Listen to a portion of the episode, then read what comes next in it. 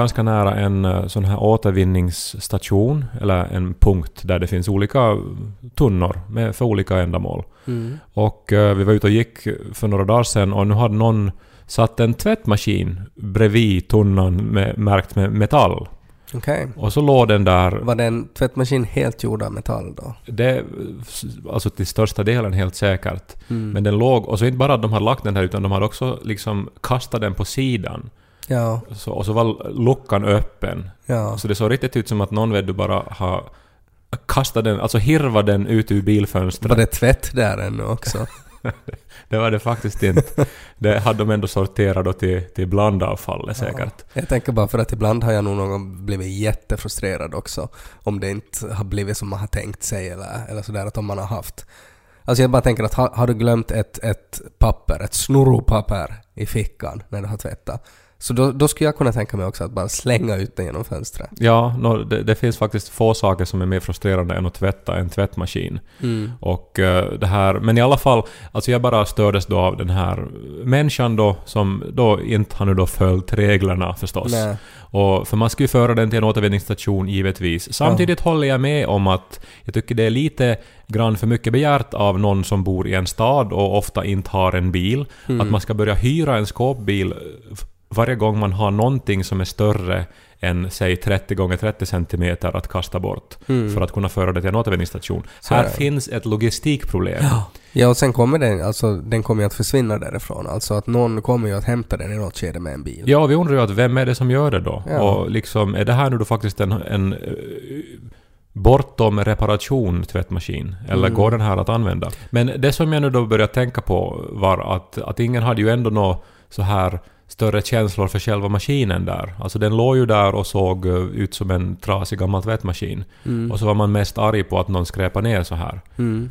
Och sen så hörde jag den här nyheten då. Plötsligt pratar hela världen om att Opportunity, Mars rovern, NASAs 15 år gamla eh, rover som har åkt omkring på Mars, har nu då skickat sitt sista meddelande. Mm. Och du hörde ju säkert vad det var. Jag har nog läst det men jag kommer inte på vad det var nu. Nå, så här eh, stod det i nyheten åtminstone idag att nu har Mars rovern efter 15 år skickat sitt sista meddelande till jorden. Meddelandet lyder My battery is low and it's getting dark. Just det. Mm, och så blev ju det här då till liksom eh, t-skjortor och uh, såna här gråtinslag i talkshows och eh, människor liksom gör såna här fint layoutade quotes som man lägger ut att det här är det sorgligaste de har hört i sina liv och att oj, oj, oj, oj, oj. Och, och jag reagerar ju också att det är märkligt att den här rovern har kunnat skriva så här poetiskt.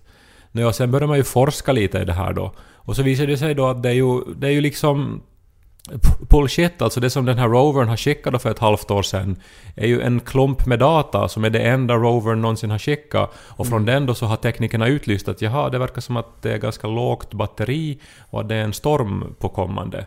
Och sen är det ju den här stormen som har gjort då att det har blåst sand över de här solpanelerna och sen så har, har den då liksom nu då antagligen sänt sitt sista meddelande. Ja. Men så gör man det här att det är liksom Wall-E som går omkring på Mars nu då, med känslor och såna här tindrande ögon då.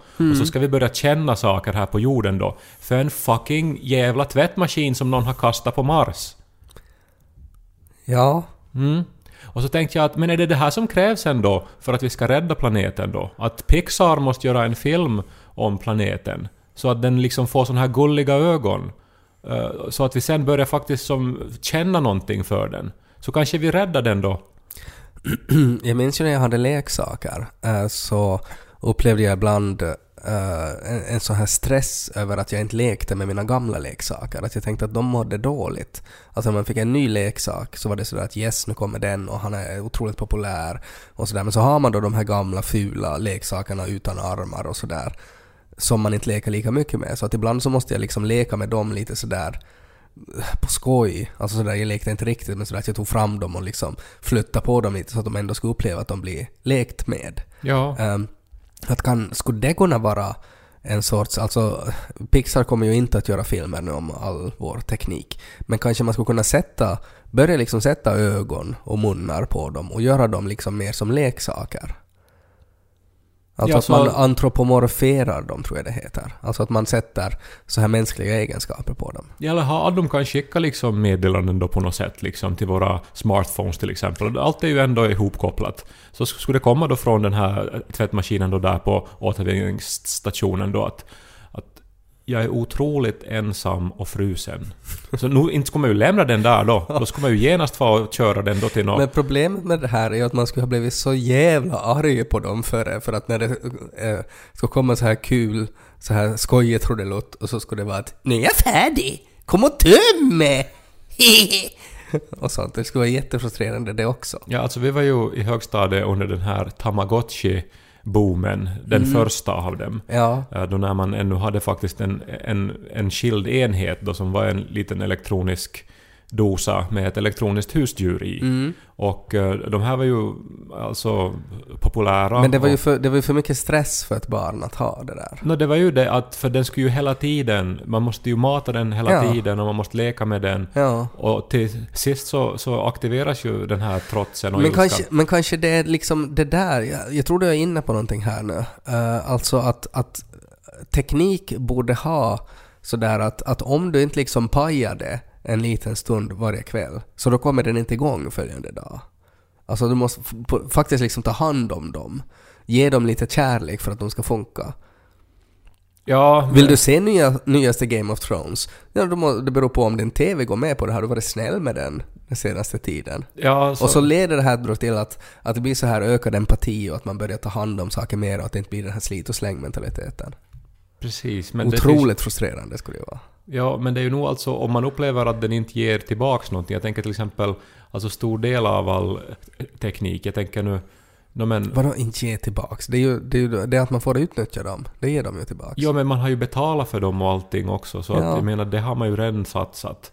Alltså i så fall borde det vara- vara att tekniken är gratis, alltså det finns någon statlig myndighet som ger en teknik, eh, men att man måste ta hand om den. Man, ty- måste, man får bara låna, är det det som är grejen? Man får bara få låna. Jag tycker det borde vara, vi ska inte låsa oss till det här, utan att det borde vara både och. Liksom du kan köpa en TV för 600 euro. Och då måste man inte paja den. Nej, nej, då måste du paja den. Det är det som är grejen. För att en helt vanlig TV så, så då inbegriper att du måste paja den och ge den mat kanske och tömma TV-sandlådan eller någonting. Men om du betalar 1600 euro, då är den liksom, då är det färdigkött eller så kommer någon annan hem och sköter den. Att det, det är liksom extra om du inte vill ta hand om den. Det här skapar ju förstås alltså nu då ett sånt här otroligt klassystem och, och någon sorts sån här slavkänsla också. Att man är en sån här rik eh, plantageägare i södern då. Ja. Som har en massa teknik som man inte bör ta hand om för att man äger det liksom Ja. totalt. Ja, att det skulle sen leda till, liksom när de har de här empatiska och börjar säga då att nu börjar det bli mörkt och jag mår dåligt. Så att då skulle man vara sådär att piska dem och skrika att men jobba, jag ska se på girls. Men det är någonting som är ändå som, som är, är skevt i mänskligheten. När hela världen kan samlas kring det här sorgliga i en rapport från en eh, tvättmaskin på Mars och liksom inte bry sig om människor i, i ens näromgivning som står och tigger om pengar i gathörnen. Ja, men det handlar om att man på något sätt, alltså det är ju mikro och makro. Uh, och det där är ju på något sätt en så här hopp inför någonting. Man kan konstatera att okej, det är mycket som är ganska fakt nu. Men, men kanske sen när vi eh, koloniserar Mars på riktigt och så bygger de det här museet kring den här rovern, där han ligger, eller opportunity där han ligger där. Eh, och så kan man gå Hon faktiskt, tror jag. De Okej. kallar det till her. Okej. Okay. Sen när man kan gå in i det rummet och se då i, i den här liksom lilla diket, sanddiket där hon finns. Så då är det ju på något sätt att det, är- det är ju det man väntar på. Och det är ju det som är på något sätt det här hoppingivande i det.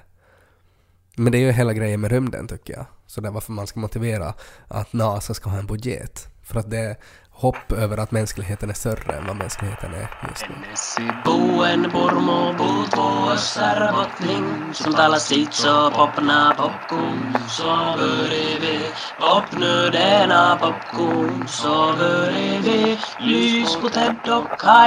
Min personliga roverresa har ju nu då nått vägs ände också. Jaha. Att, eh, man kan säga att jag har skickat det sista meddelandet nu också. Mhm. Och eh, det, var, det, var, det var blodigt. Du har skickat ditt sista meddelande i blod. Ja. Så det, det tycker jag är ganska passande. Jag, jag har ofta undrat över det här att varför jag alltid vill eh, tänka i termer av opera, hade det måste sluta bombastiskt. Det är ganska bra beskrivning av, av dig. Att det Ja. är lite opera. Ja, men också lite av hur du och jag har gjort sketcher, mm. förr i världen åtminstone. Mm. Under de första 15 åren ungefär som vi höll på och gjorde humor tillsammans så skulle allting sluta med explosioner Ja. och eh, världens undergång och så vidare. Mm. Eh, nu har vi blivit lite mer subtila kanske. Lite mindre opera. Men, eh, men jag har nu då varit på en sån här helig quest, ja. Mhm. eh, som jag har fått väldigt lite förståelse för, bland annat av dig och av Nico. Eh, ingen har förstått det här. Det är så ofta du är på heliga quests. Eh, och jag försöker tänka då, vilken är du inne på just nu? För det är ju nästan varje dag nu så startar du ju någon ny. Nej, Om det, då är här är japansk träsnitt Du, eller... du har abs- apropå det här japanska träsnittet, jag hade ju en fest hemma hos mig Ja, jag minns jag var på den. i fredags för att jag fyllde år. Mm. Och det händer ju inte ofta att Ted Forsström kommer på mina fester. Men när jag kommer så kommer jag att kritisera Kais konst. Och eh, det, här, eh, det var ganska mycket människor på festen, vilket var Ja. jätteroligt. Ja. Och det var så här att jag hann inte riktigt prata ordentligt med allihopa, för det Nej. var så många människor. Och, eh, och plötsligt så, så anlände en vän till mig som också råkar vara en av de mer eh, omtalade regissörerna i hela landet just nu. Just det. Alltså riktigt begåvad människa. Mm. Som precis har också haft premiär för, för en ny pjäs och Ja, allting. jag hann bara säga hej åt henne men jag hann inte prata så mycket. Nå, det var ju så då att jag introducerade ju eh, henne till dig.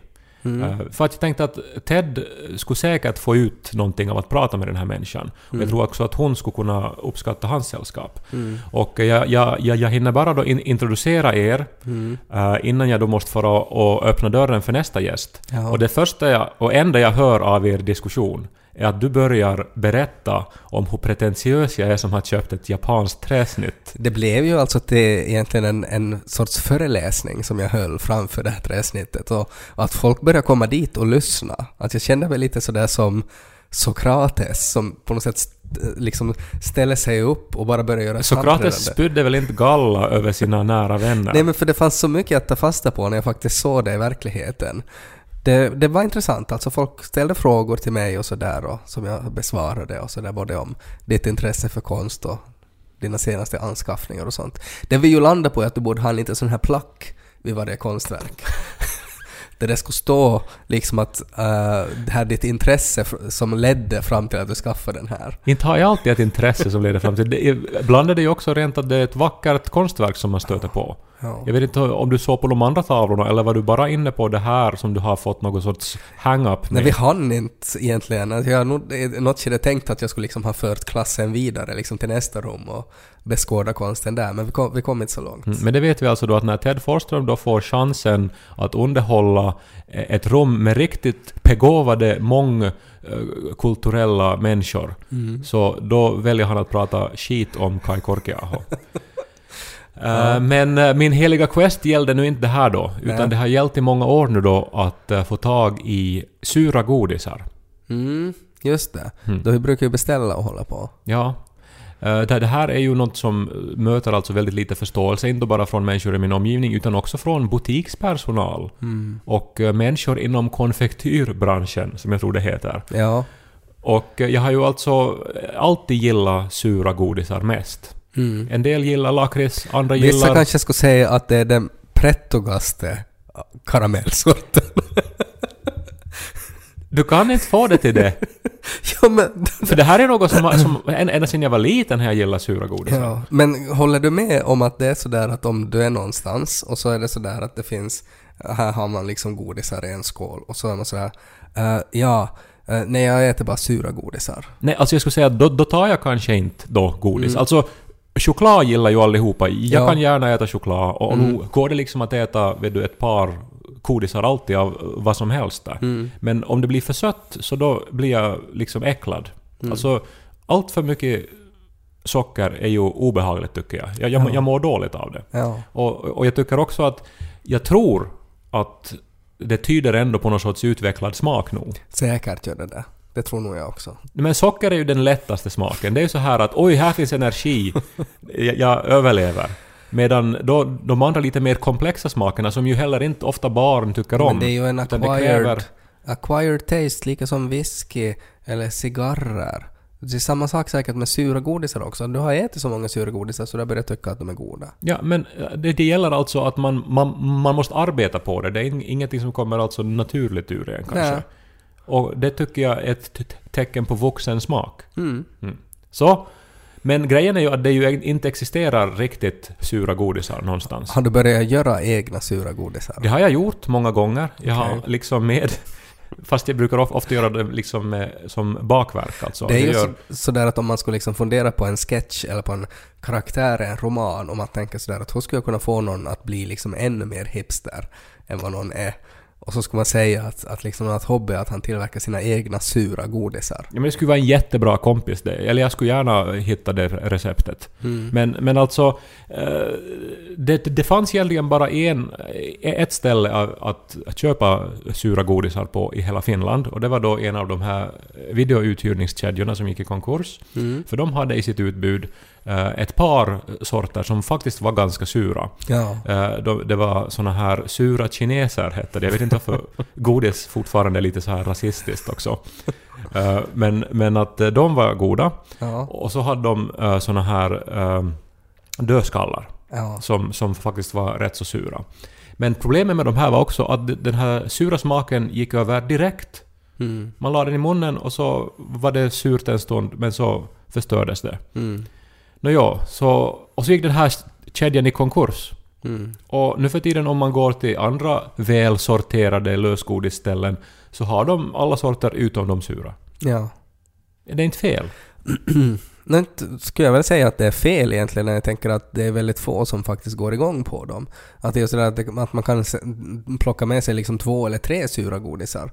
Men inte vill man ju ha liksom jättemånga inte. Man vill inte ha något annat i sin påse. Men kan det vara någon sån här grej alltså att förr så när det inte var så stor skillnad vad man satte in i sina sura kineser att man kunde sätta lite hyaluronsyra eller någonting och att det är det som är det här sura och att nu liksom med EU och allt annat sån här byråkrati så får man inte liksom ge alla E-ämnen åt barn som man skulle vilja. Så att det är helt en, en liksom en sån orsak till att det inte produceras lika sura godisar mer. Nå, möjligen, men jag tycker bara... Det, det handlar ju ändå om citronsyra typ. Det är ju som den suraste syran de sätter i Men kark. kan det vara att du har liksom frätt sönder din käft då? No. Att du har ätit så många sura godisar så att du inte upplever den här surhet? Du ser att det går om genast? Nå, den växer ju tillbaks den här beläggningen man har i käften. inte kan man ju förstås äta dagligen inte. Nej. Uh, Nåja, men nu då var jag och Niko då på en måndagspromenad Mm. och uh, hamnade då på en av de här gatorna som vi aldrig går på av någon anledning. Alltså man går där i närheten men man tar alltid en annan väg. Ja. Men nu gick vi då en annan väg. Ja. Och mitt i allt ser vi där då i hörnet en karki-affär. Som vi aldrig har sett tidigare. Oj då. Och det finns ju inte så många karki-affärer. Det här låter ju som något så här Stephen King, något så här needful things. Alltså att, att eh, det är en butik som egentligen inte finns. Men att när behovet är tillräckligt starkt så då ploppar den upp i universum. Ja, nu var det inte riktigt så Needful Things gick. Nej. Eh, Eller Köplust, som romanen heter på svenska. Mm. Eh, Från 1992 vill jag minnas. Blev till en dålig film med Ed Harris och Max von Sydow Mm. och Bonnie Bedelia. Nej, jag tar tillbaka det jag sa då om det inte var så. Mm. Men eh, vi gick då in förstås nyfikna i den här affären då. Inte Ja. för att köpa godis utan för att se. Vad Så, det var? så den är ut, alltså den här godisaffären, ungefär som du vet i Gremlins-filmen, i den här affären där de köper Gizmo. Att det är sådär att det, det ser ut att vara artefakter från alla eh, sekler där. Nej, det såg ut som att den var... Var det en sur kines som jobbar där? Det var det faktiskt i Gremlins. Eh, eller en japansk man tror det var. Ja. Men att eh, här, den här såg ut som att den var vet du, från Mariannelund i Lönneberga. Jaha. Alltså att det var så här glaskärl och så skulle man ta godisarna med så här en, en liten tång. Ja, ja, men så här klassisk. Jag tror jag vet till och med vilken godisaffär du pratar om. Och du har aldrig berättat om den. Nåja. Men i alla fall eh, så hade de då såna här glaskärl och så fanns det olika bord. Men så fanns det också en trappa längst in. Mhm. Som for liksom ner. Så det var något så här liksom dark room för surhet. Där, där det finns glory holes där man ska bara sätta läpparna och så sätter någon in sura dragster-karameller. Oj, jag skulle så fara till den här kinkiga baren ja. och jag skulle... De kommer och spänner fast en i ställningar och häller salmiakpulver på en. Vet du, min själ skulle bli så korrupt, jag skulle inte kunna motstå. Men så gick vi då ner för den här trappan då, och det var skynken och grejer. Det var riktigt som att man kom in i någon sorts håla. Ja. Och där fanns då ännu ett bord med flera glaskärl. Och på ett av glaskärlen så stod det på finska Världens suraste godis. Oj. Och, och, och du först, alltså jag tänkte ju att nu är det här simulationsteorin igen. Vet du? Att nu, nu, nu är det någon, någon sorts moderator som lägger in det här. Ja. För det, det är som för bra nu. Ja, alltså exakt. sånt här händer inte. Nej. Och så liksom jag pekade på, på, på purken och sa till Niko att ser du vad det här är? Och Mm. eh, Niko tittade och skrattade och sa att ja no, men okej, nu, nu äntligen då Ja. har du hittat det. Och liksom det var också godis som jag inte har sett tidigare. Och eh, jag, jag köpte ju då förstås, Mm. inte en halv kilo men nästan, Ja. genast liksom Ja. då. Och det kostade väl 14 euro eller någonting. Var överraskande dyrt det här. Men jag Ja. tänker, har man nu hittat världens suraste Ja. godis i en kanske påhittad, simulerad affär? Ja, ja, man måste köpa då, för den butiken existerar ju sen inte längre efteråt. Nå precis. Här. Och liksom den här hemresan, för, för jag har också såna här grejer, såna här ritualer när det är någonting man riktigt väntar på. Att då måste man vänta tills man är hemma och tills Du man... måste klä av dig naken innan du sätter den i Ja, och måste vara på vässa före om man har det behovet och måste liksom kanske till och med städa lite. Ja. Påminner mig om när jag var 11 år och, och Roxette kom med sin nya skiva Crash Boom Bang. Mm. Och jag hade liksom så svårt med det här nojan att allt måste vara i ordning innan jag fick lyssna på det för första gången. Ja. Och det tog liksom, tror jag, två dagar efter att jag hade köpt kassetten innan jag lyssnade på Det är den. jätteroligt det. Ja, eh, berättar ju mycket om mina neuroser. Mm. Nå ja, men så var allting i ordning och så satt jag på sängen, så öppnade jag påsen och stoppade då den här gula, stora kulan i käften. Mm. Och fy satan vad det gjorde ont! alltså det var som att... Det var som att den var... Alltså, alltså jag tänker vet du, på, vet du, som att den på något vis utlöste knivar åt alla håll. Ja. Alltså som stack vet du, rakt upp i gommen och i tungan. Mm. Och liksom... Det, det, det gick som en sån här pil av smärta genom hela kroppen. Ja. Och så, så att jag liksom ropade till högt. och Niko var så att yes! För att han visste vad det handlade om nu då. Ja. Att, att, att, för att han var glad att äntligen har vi hittat det här Ni då. hade inte liksom, du borde ju ha haft något safe word eller något där Niko ska komma med en tång och dra den ut ur munnen. Och jag liksom, jag, jag liksom lät det här då rulla omkring i munnen och det gjorde så ont, så ont så jag som det, alltså, och det rann svett ur pannan. Och det, det var så otroligt löjligt surt var det. Mm. Och eh, så, småningom så eh, känner jag då liksom att det, det är någonting annat med det också, att här finns ett litet hål i godiset och ur hålet kommer det någon sorts skum. Och- alltså det är någonting inuti godiset ännu till då som, som, som orsakar någon sorts skumreaktion. Och det, alltså, du är säker på att det inte var en sån här diskmaskinspolett? För inte ska det... Det ska ju inte komma, komma skum ur godiset. det, det, det var nog, alltså det var hade nog någon sorts sån här smak av godisen då hade. Men, men, men, men jag har inte riktigt varit med om det heller. Och, och sen då liksom, så går jag då till Niko då för att liksom prata om det här. Och när jag öppnar då munnen så har jag blodigt skum i käften.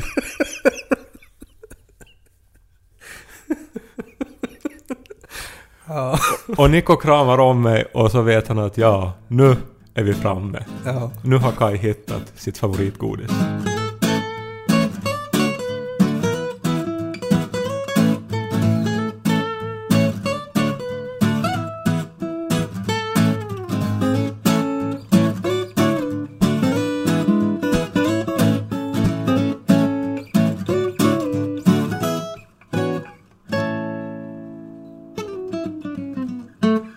Jag har varit jättesjuk den här senaste tiden. Jag har varit flunsig, haft feber, hostas, eh, snor. Egentligen allt vad man kan ha. Eh, och jag börjar fundera nu då att det måste ju vara någonting, jag måste ju ha brist på vitaminer och jag måste få eh, ändra min kost och sådär. Och nu har jag då googlat lite och funderat på olika saker som man ska börja, börja med för att hållas frisk och sådär. Du vet Emma Frans, Mm, den här vetenskaps... Uh, apologeten. ja. Så hon har ju skrivit en bok eh, som heter Larmrapporten, som handlar om... Du pratar om den nästan varje avsnitt. Ja, för att jag kände mig så smart efter att jag läste den. Att, Ja. att nu genomskådar jag allting. Och det finns ju absolut ingenting som botar vanlig flunsa. Nej. Ingenting som står på internet att Nej, bota som flunsa är kanske, sant. som kanske gör alltså sådär mer i preventivt syfte, tänker jag. Sellerijuice, det lär vara det shit. Alltså det, det, det botar. Det botar. Man får liksom fixa ens ekonomi om man börjar Ska jag säga vad Emma Frans säger? Att det enda som har bevisats att kan vara bra i preventivt syfte, oft, obs, kan vara bra, det är inte bevisat på det sättet, är Mm. zink. Ja, det visste jag. Och jag googlade lite på det här preventivt syfte och då, då kommer det ju en massa saker. Eh, Men att det som det ju då också kom fram med väldigt mycket var ju alltså graviditet och sånt. Eh, För att det är också där i preventivt syfte, att man inte ska bli gravid. Och så bara läste jag en så jättekonstig sak. eh, Som var alltså det första eh, graviditetstestet.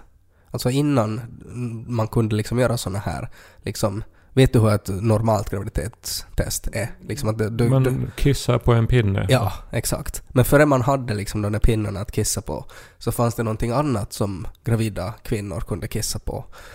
Och det var alltså en groda från Afrika. som de hade konstaterat att om den här grodan kom i kontakt med kissi av gravida kvinnor så då började den genast liksom spruta ut fullt med rom överallt. Och det som väcker så mycket tankar är alltså delvis det att hur, hur, vem var den första som gjorde det? Och sådär att, att hur har man, har man liksom en massa grodor hemma och så mitt i allt så är man sådär att va? Inte ska ju den börja liksom lägga ägg nu? Att vad är det som har hänt? Älskling, har du varit och...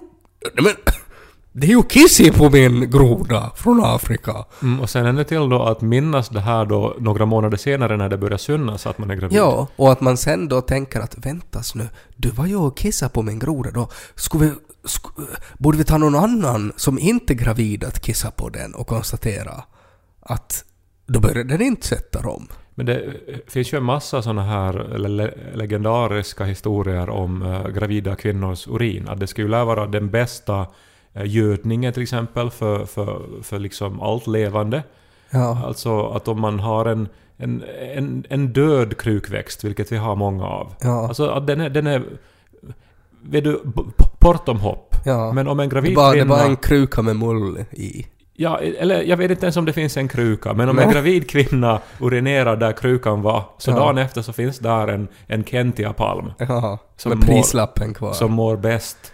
Men okej, så det kanske då har varit så att, alltså att gravida kvinnor förr i världen så gick bara omkring och liksom kissade på allt. Ja, alltså nu antar jag ju att man ju när man var i stenåldern och var gravid så, så gick man väl omkring som vanligt och Mm. kissade och i något skede då så, så har, har, har, har någon stått på huk i djungeln Mm.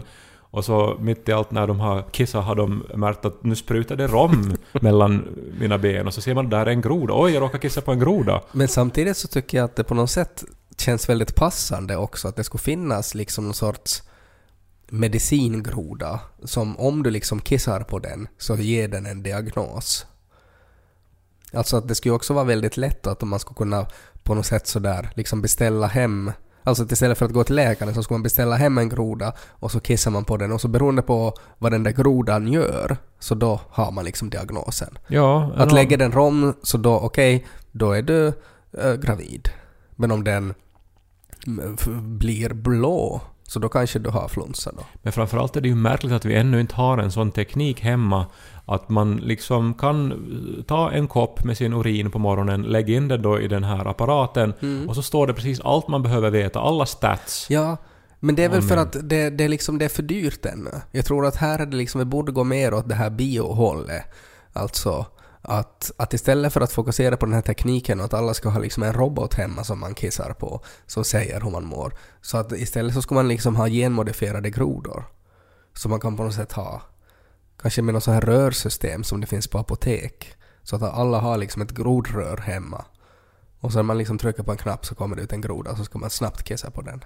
Samtidigt så jag tänker så här också på sådana här äventyrsspel i stil med Monkey Island och såna här som man spelade på 90-talet. Mm. Som var alltså att man inte hade riktigt någon aning om vad man skulle göra, men Så- att man gick omkring och prövade olika Du, saker. du gjorde allt med allt ja, till sist. tills någonting då hände och funkade Ja. och ledde en vidare.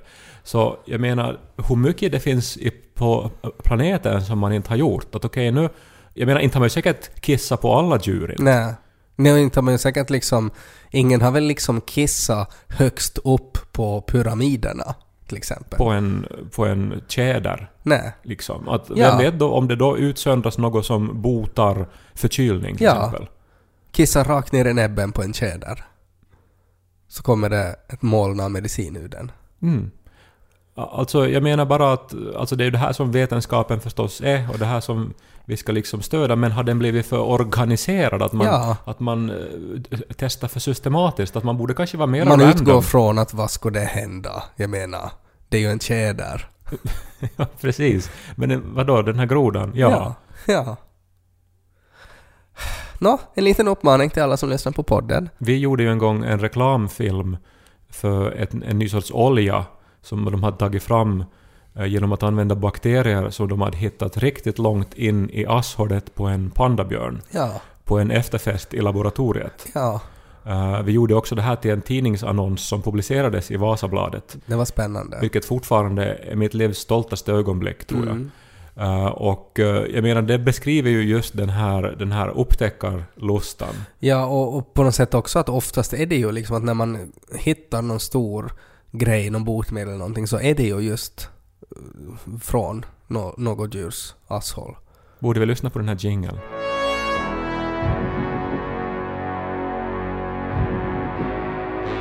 Ur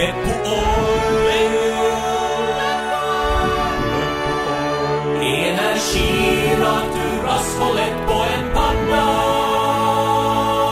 Jag tror att ska man gräva tillräckligt djupt så ska man kanske också hitta då, alltså någonting som skulle vara jätte, jättesurt. Jag tänker på den här... Alltså in i världens- asshållet på en panda? Nej men sådär, alltså när man tänker då att det var världens suraste godis, du vet ju inte varifrån det kommer. Att kanske är det. Oj, vad skulle tror du hända om en gravid kvinna skulle kissa på det här godiset? Ja, Alltså det skulle åtminstone börja fräsa, tror jag. ja. Och liksom... Jag tror det skulle öppna ett litet hål och så skulle man kanske se att någon skulle sitta där inne. En liten person skulle sitta inne där och dra i en massa spakar. Och så skulle han titta argt på en och dra fast luckan. Ja. Och så skulle det bli helt svart. Och så skulle det börja om liksom strax före hon kissar på den där. Och så skulle det bara kännas starkt sådär, nej hon borde nog inte göra det. Det skulle vara konstigt. Ja. Men inte helt otroligt. Det här är en Svenska Yle-podd.